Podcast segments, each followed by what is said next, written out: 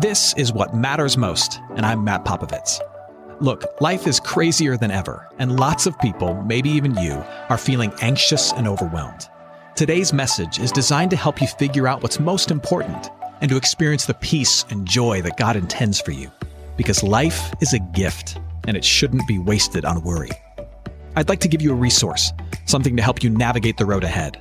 Just go to mattpopovits.com, click on the icon, and we'll send it to you. That's Matt, P-O-P-O-V-I-T-S dot com. And hey, if you happen to live in the Houston area, I'd love to see you on a Sunday morning at St. Mark in Spring Branch. Head to stmarkhouston.org to plan your visit. Here's today's message. Thanks for listening.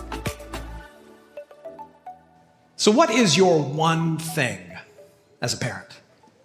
Uh, we've been in a teaching series here for the last month called Me and My House, where we're looking at family life with a, with a special emphasis on parenting through the lens of the Christian faith. And as we wrap up this series, I want to end with just that question.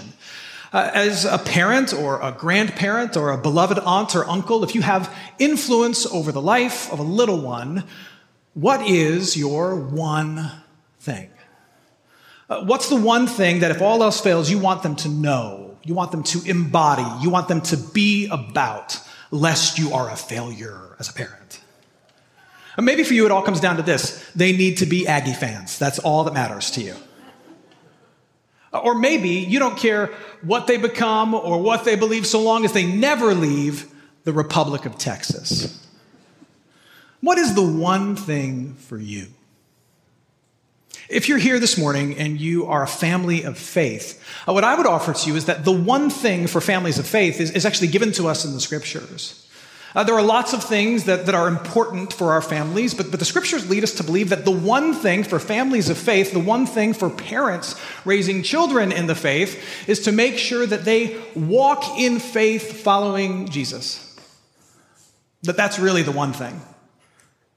Another way to say it is that their identity is grounded in the grace and the goodness of God that is theirs in Jesus Christ. Now, that word identity is important for us this morning, so I feel the need to define it as we move forward. Here's what I mean when I say identity uh, identity is the story you tell yourself about yourself that shapes the things that you do. I'll say that again. It's the story you tell about yourself that shapes the things that you do. That's your identity. So the things that I tell myself are as follows. I was born and raised in the great state of Michigan. I graduated from the University of Michigan, so I am a Michigan fan. That's what I tell myself. Which means that on Saturdays, here's what I do. I dress up in maize and blue, and then in late November, I cry as we lose to Ohio State. That's what I do. I am a preacher. That's the story I tell myself which means that I, I, I read the Bible, I, I pray for and with people, and I love to hear myself talk. That's what I do.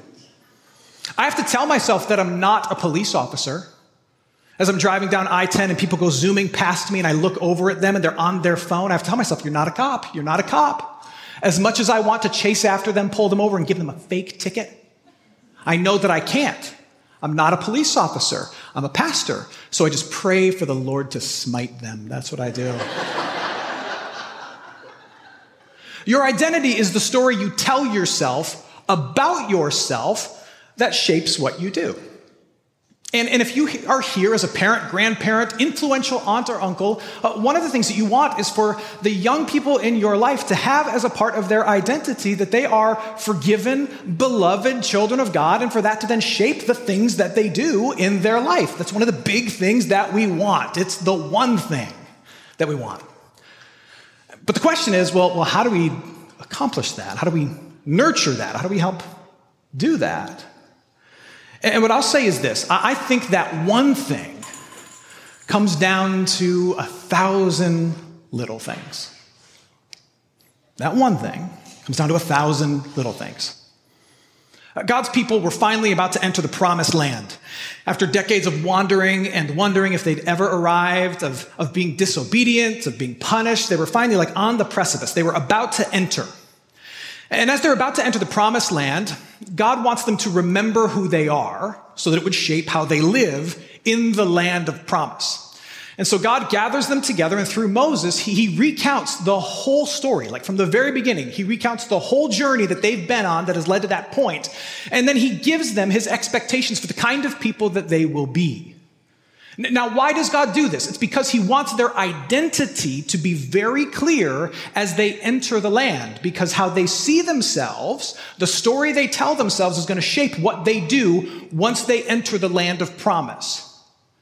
Now, what's interesting is, is how Moses instructs the people of God to nurture that identity. Let's look again at what happens. Deuteronomy chapter 6, starting at verse 6. These words that I command you today, the story of where you've come from and the commandments that he's about to restate, these words that I command you today shall be on your heart. You, people of God, shall teach them diligently to your children. You shall talk of them when you sit in your house, when you're sitting around doing nothing on a Saturday. Talk about where you've been and who brought you there. When you walk, by the way, when you're traveling from one thing to the next, when you're in a car ride from, from one practice to another practice to another practice, they hold that opportunity to talk about who you are, where you come from, what matters most. And when you lie down, when it's bedtime and the stories you tell, tell this story. And when you rise, when you get up and it's time to pray for the day in front of you, tell this story. Moses is clear. He expects parents to reinforce this identity so that it's not just one generation that enters the land knowing who they are and then living accordingly, but that it's the next generation and the next generation and the next generation. And what he says is it comes down to parents telling these same things that I'm telling to you, to your families, to your children, to one another over and over and over and over again in the mundane realities of everyday life. That's what he says. He says, You shall teach them diligently. What's interesting to me is that uh, the Hebrew word for teach diligently is the same verb that is used to describe engraving in stone or sharpening a tool. Uh, when you engrave something in stone, when you carve something in granite, you don't do it quick, you do it slow. And there's a lot of repetition tap, tap, tap, tap, tap, tap, tap, tap, tap, tap. But once it's engraved, through that slow, tedious process, you carve something in stone, it's carved. It's there. What Moses is saying is if you're going to understand who you are, it comes down to parents teaching their children, telling the stories over and over and over again in the mundane realities of everyday life. It's a thousand little things that reinforce the big thing, the one thing. Who am I? And how shall I live? Now, the question for us today is what in the world does that look like in 21st century Houston, Texas, with all that's going on in the world? What's that look like for me and my family, or you and your grandkids? What, what does it look like? Well, looking at this scripture and, and a handful of others, I would say it comes down to parents, grandparents, influential aunts and uncles giving to the young people in their life three things. You seek to give them a history, you give them habits, and you give them a heart. I'll explain what I mean by all three of these things history, habits, and a heart. We'll start with the history piece. Your identity is not just knowing who you are, but really at its core, it's about knowing where you came from. This is why baptism is so important in our tradition. Baptism is the moment where, regardless of age, the work of Jesus Christ, his forgiving work, is given to the recipient of baptism. And you go from, as the scriptures would say, you go from death to life and you become publicly, personally, officially a member of God's family. And, what happens when you become a member of a family is that the history and the story of that family becomes your own. If you're here and your children are baptized, their family history is not just the story of you and your grandparents and their grandparents. Their family history is the story of God. Their family history is the story of all the people who shared this faith that's come before us. That history, those heroes, that's theirs.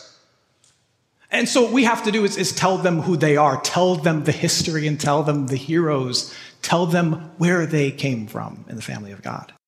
It's about being able to articulate and to share the truth that God made all things, sin ruined all things, and Jesus has come to reconnect us with God and fix all things.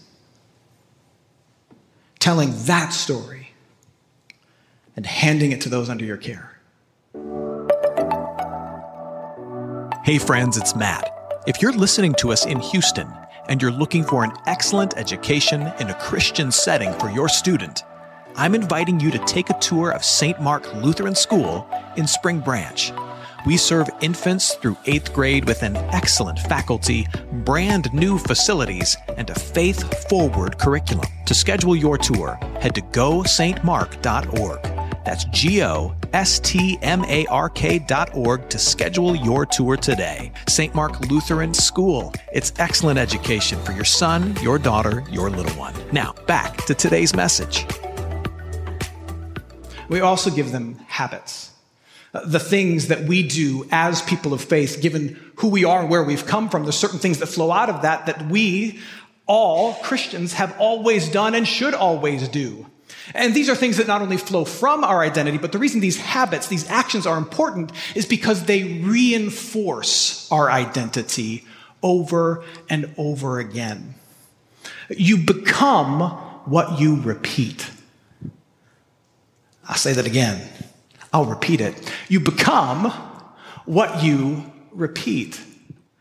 So, what are some of the habits of the Christian faith that have been passed on to us? Well, worship of Jesus, prayer, the practice of forgiveness, not just confessing our sins and receiving it on a Sunday morning from God, for sure that, but also practicing forgiveness between other human beings. Generosity chastity.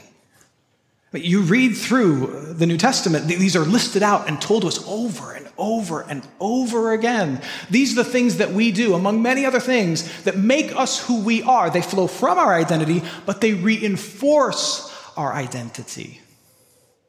For example, why do you think it is that, that every year millions of grade schoolers memorize the Gettysburg Address? Uh, perhaps you did this in elementary school. I did. Why do you think millions of kids do this every year? Why is that a habit in our education system? It's not just a civics lesson. Uh, you remember how it starts, right? It starts like this. It's on the screen. I'll read it to you. Four score and seven years ago, our fathers brought forth on this continent a new nation, conceived in liberty and dedicated to the proposition that all men are what? Created equal. You know it. We all know it. Why, why do we learn that over and over again? Is it just a civics lesson? No. The reason we do that is because it's identity formation. It's about shaping an identity as an American. By learning that Gettysburg Address, you get to invite yourself into that history, into that story, and the values and the ideals that are expressed. You take ownership of those things, and they become your own. That's why. That's what habits do. So now, answer me this. Why do you think we say one of the ancient creeds every single time we get together? Why do you think we say the Lord's Prayer every single week?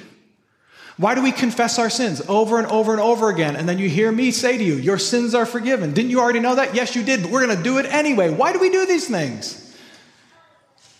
It's about forging, forming, nurturing an identity. You become what you repeat. After church one Sunday, a nine year old boy walked up to his pastor and he asked his pastor, he said, Pastor, why is it that after every sermon you say the same thing?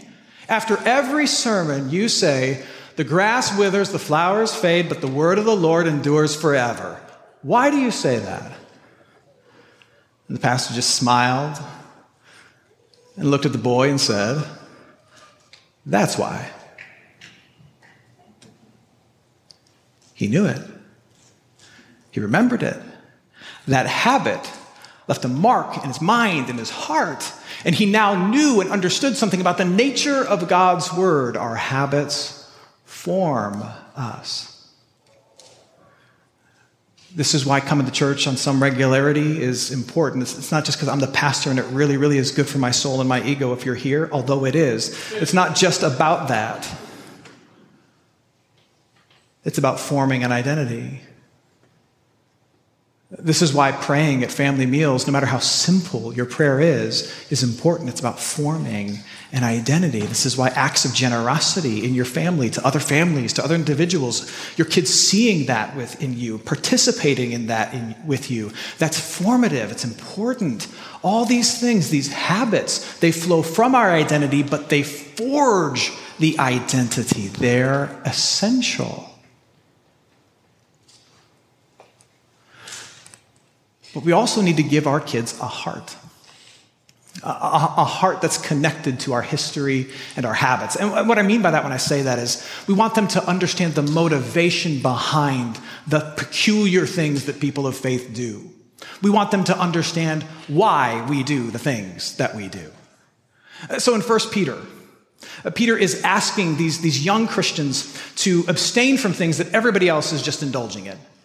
He's asking them to live a very different, very odd life culturally. Everybody else is giving themselves over to all these things, and he's saying, Look, don't give yourself over to all these cultural instincts and urges. But, but he doesn't just tell them not to. Before he tells them what to do, he tells them who they are. That's what I mean by instilling a heart. Tell them who they are. Let's look at this again. This is really powerful. Because once this section of scripture is over, he tells them what to do. He tells them, abstain from the passions of the flesh. But before he does that, he says this You're a chosen race. Don't forget, you're a royal priesthood, a holy nation, a people for his own possession. If you remember freshman English class, these are all indicative statements. An indicative statement is a statement of fact. It's a you are, it is statement. All the indicatives lead to the imperatives. The imperatives are the command, but the indicative comes first.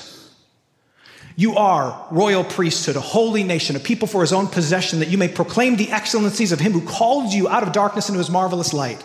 Once you were not a people, but now you are God's people. Once you had not received mercy, but now you have received mercy. As parents, grandparents, influential aunts and uncles, it's so easy when we want our young person in our life to do something to just say, because I said so. Not only is it easy, it feels good. But you want to know what's more powerful? Because this is who we are. Forgiven people, that's us. Forgive people. Loved people, that's us. Love people. Save people. Save people. People who have received generosity, that's us. We live generously. The indicative leads to the imperative. You, you have to give them a heart you have to tell them why. There's a tendency in children to say, Look at me, look at me. They ride a bike, Look at me, Dad. They're on the swing, going higher than ever, Look at me. A couple of weeks ago, my son was calling from the, the front room of the house. He said, Dad, Dad, Dad, come here, look at me. And I walked to the front room, and what he'd done is he'd taken the, the front of his shirt and just pulled it over the top of his head and he was like rubbing his belly and smacking it, thinking he's the funniest person in the world. It's like, look at me, dad. Wow. And the first thought that came to my mind was, this kid is going to be so much fun in college. and then we grow up and we're no longer kids, but we're still adults saying, look at me. We get a new car and we're like, look at me. Kid gets into a good school, we're like, look at me. We get a raise, a new job, we're like, look at me. But, but here's what it means to be a Christian parent who's instilling a heart and an identity in someone else. You, you, you fight the urge just a little bit as a person of influence over somebody else to say, Look at me. And what you do is, is you say, and it sounds so simple, but it's really what it comes down to. You say, Look, look at God. Look, look, at what he's done for us. Look at what he's promised us. Look at what he's accomplished in Jesus. And you, you take those moments and let that be the heart and the motivation and the why behind every other choice that happens. It's a thousand little things. We give them a history, we give them some habits, we give them a heart. Why? Look, I, I know that as we've gone through this series, because I've heard from several of you that, that while this series has resonated with many families uh, about the kind of families we are, we are called to build and we want to build. I, I, recognize that it's resonated with you. But, but I've also sensed that for some of you, it, is, it has led to a bit of guilt or a sense of pressure. Look, anytime you talk about children in our lives, uh, we, we immediately are keenly aware of all the things we've failed to do as parents or grandparents or all the things we should have done. Or as we talk about our, our, adult children and the lives we'd love for them to live, but they don't live, or, or the, the life that they've chosen that, that is perhaps out of step with what we desire for them or what we, we think God wants for them. And we feel, we feel guilt, we feel angst, we feel a whole bunch of things. And so I want to recognize that. And if that's where you are, I, I just want to say, let me remind you of who you are before you go and do anything with all the things we've talked about. No matter what kind of parent you are, you were, you have been, no matter what kind of guilt or shame you carry over the choices you've made or the choices your kids have made or your grandkids have made, uh, you are a forgiven, loved child of God. And all the work of Jesus Christ is yours, even though you are a profoundly imperfect influence. That there is a mountain of mercy that's new for you every day. And on your worst day as a parent, on your worst day as a parent, that mercy and grace is still yours. It's still given to you. On the worst day as a parent, when you, your head is, is just faced toward the dirt because you can't even lift your eyes to look at the ones that you love because you feel so guilty about something you failed to do or something that you should have done or something that you shouldn't have done, on your worst day, the Lord finds you and He lifts your eyes to His own and He tells you, I love you. I forgive you, and you are still mine. Let that be the story you tell yourself. That true story. As you go and love and do and try and influence the ones who matter most. I'll close with this. Every night I, I say the same things to my kids when they go to bed since the day they were born uh, up until now, my daughter's 16, my son is seven, I, I, still do this. Every night before they go to bed, I make the sign of the cross on their forehead, and then I tell them, You are a baptized child of God. And then as they've gotten older and, and they can participate in it, they make the sign of the cross on my forehead and they say, Dad, you're a baptized child of God. Probably done that 2,000 times. Now, now, why do I do that? Is it because they forget that they're a baptized, beloved child of God?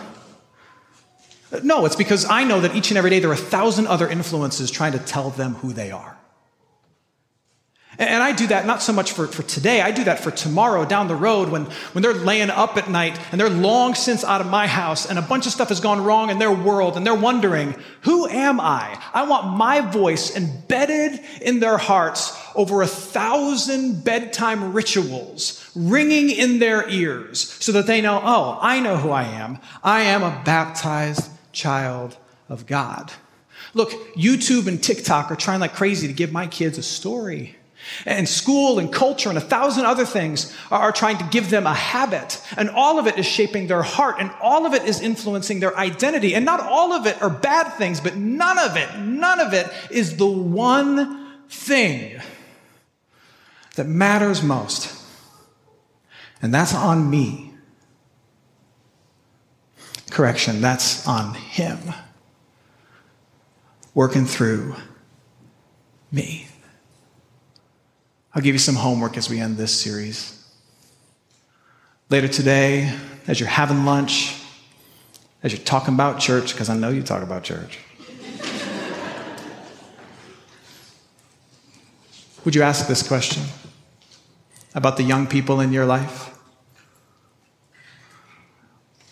What's a small thing that we could do, a small thing that we could do to reinforce the one thing that matters most? Let's pray. Hey, it's Matt. I hope you enjoyed what matters most.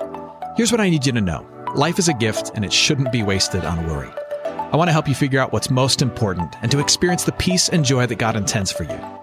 So, for more content, you can head to mattpopovits.com. That's Matt, P O P O V I T S.com. There, you can also support this ministry as well as access your free resource, a little something to help you navigate the road ahead. I'd also love to see you on a Sunday morning. If you're in the Houston area, head to stmarkhouston.org to plan your visit. In the meantime, hit me up on Instagram at mpopovits or at facebook.com slash Matt Popovits Ministries. Thanks for listening. Now go and hold tight to what matters most.